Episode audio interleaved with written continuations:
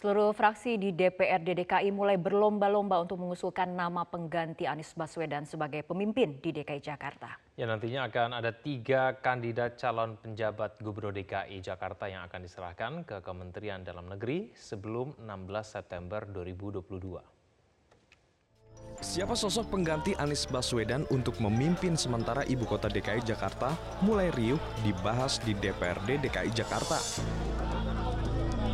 Kendati sudah disepakati bahwa usulan nama pengganti Anies akan diputuskan dalam rapat pimpinan gabungan DPRD DKI Jakarta, namun banyak anggota DPRD DKI yang berharap agar tak ada titipan politik dari tiga kandidat pengganti Anies yang akan diusulkan ke Kementerian Dalam Negeri.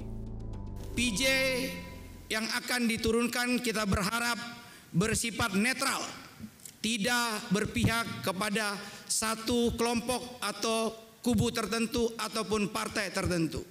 Yang kedua, dia harus benar-benar mengetahui kondisi DKI Jakarta dan yang ketiga, dia harus punya pengalaman memimpin pemerintahan di mana pun. Harapan serupa juga disampaikan oleh fraksi PD Perjuangan. Mereka ingin sosok pengganti Anies bisa mengakomodir serta bekerja sama kepada semua pihak, bukan hanya satu kelompok. Yang pertama adalah uh, eh, ASN yang memahami persoalan Jakarta.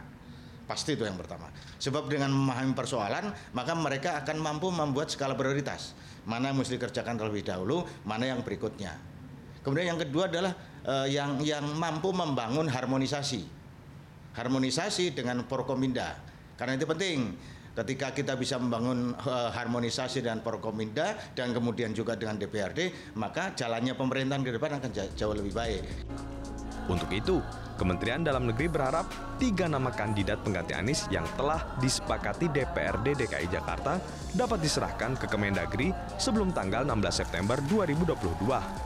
Usulan itu selanjutnya akan menjadi pertimbangan Presiden Joko Widodo.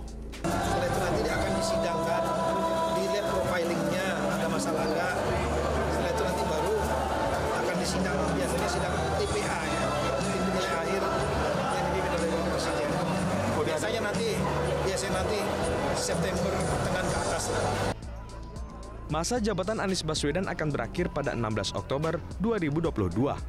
Belakangan memang sudah mengemuka beberapa figur yang disebut-sebut akan menggantikan Anies. Salah satunya Kepala Sekretariat Presiden Heru Budi Hartono. Di lingkungan Pemprov DKI Jakarta, Heru bukanlah orang baru. Ia pernah berkarir di DKI semasa kepemimpinan Gubernur DKI Jakarta Joko Widodo dan Basuki Cahayapurnama. Presiden Joko Widodo tak akan memberikan arahan atau tugas khusus kepada Abdullah Azwar Anas setelah dilantik menjadi Menteri Pendayagunaan Aparatur Negara dan Reformasi Birokrasi atau Menpan RB.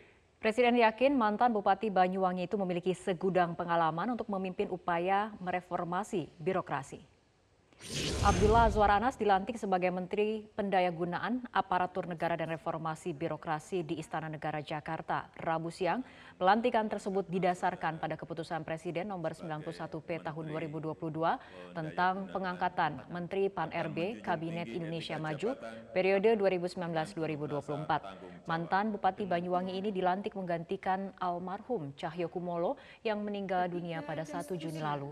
Sebagai Menteri di Kabinet Indonesia Maju maju, Azwar Anas akan memperoleh hak keuangan dan fasilitas sesuai dengan ketentuan dalam peraturan perundang-undangan. Presiden dan Wakil Presiden. Presiden.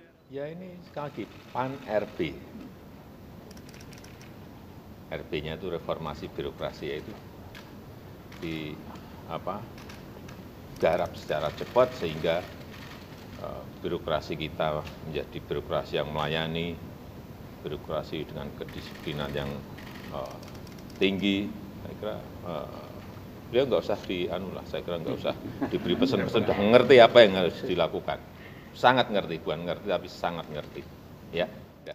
Presiden Jokowi menegaskan tak mau ikut campur persoalan yang terjadi di Partai Persatuan Pembangunan. Presiden menyerahkan sepenuhnya penyelesaian konflik di internal partai. Untuk kedua kalinya Presiden Joko Widodo angkat bicara terkait kisruh yang terjadi di internal P3. Presiden meminta semua pihak untuk tidak menarik istana ke persoalan itu. Presiden kembali menegaskan untuk menyerahkan sepenuhnya persoalan kisruh kepemimpinan diselesaikan di internal partai. Termasuk soal posisi PLT Ketua Umum P3 Muhammad Mardiono sebagai anggota One Team Press. Masalah internal di P3, saya nggak tahu itu selesai terlebih dahulu baru kita bicara masalah tugas. Di situ belum selesai dan itu wilayahnya internal P3. Kalau di situ sudah ada kejelasan baru berbicara masalah One Team Press. Ya, Ketua Umum P3 Suharso Manuarfa meminta untuk tidak membawa nama presiden maupun lembaga negara mana pun dalam konflik yang melanda P3. Menurutnya, presiden tidak ikut campur dalam hal semacam ini.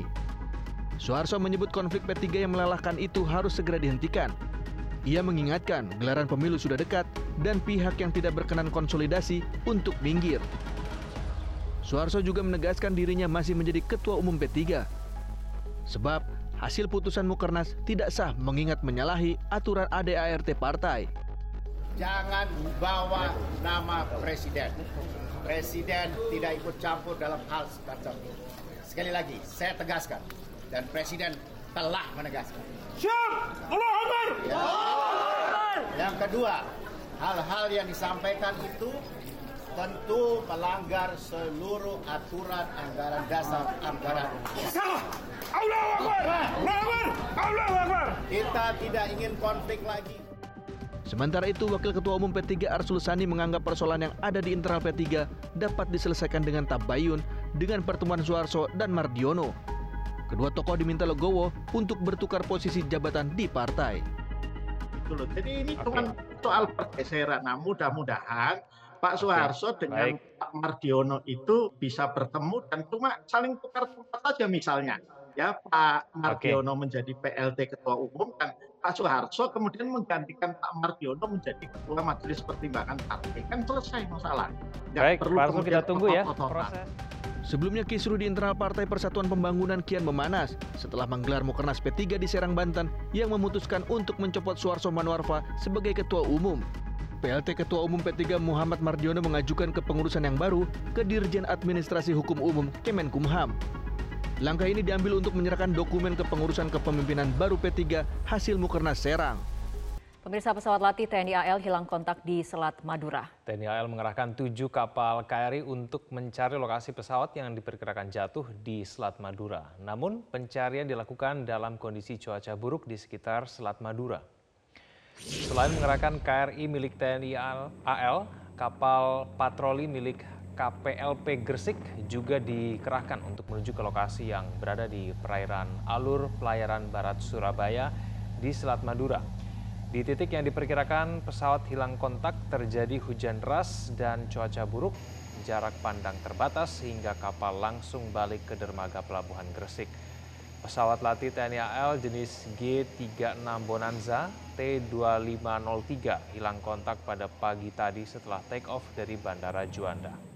Menteri Agama Yakut Kolil Komas menyatakan izin operasional pesantren dapat dicabut apabila terbukti terjadi pelanggaran sistematis. Hal ini disampaikan Menteri Agama saat mengomentari mengenai kasus kematian santri di Pondok Pesantren Gontor Albar Mahdi yang diduga dianiaya.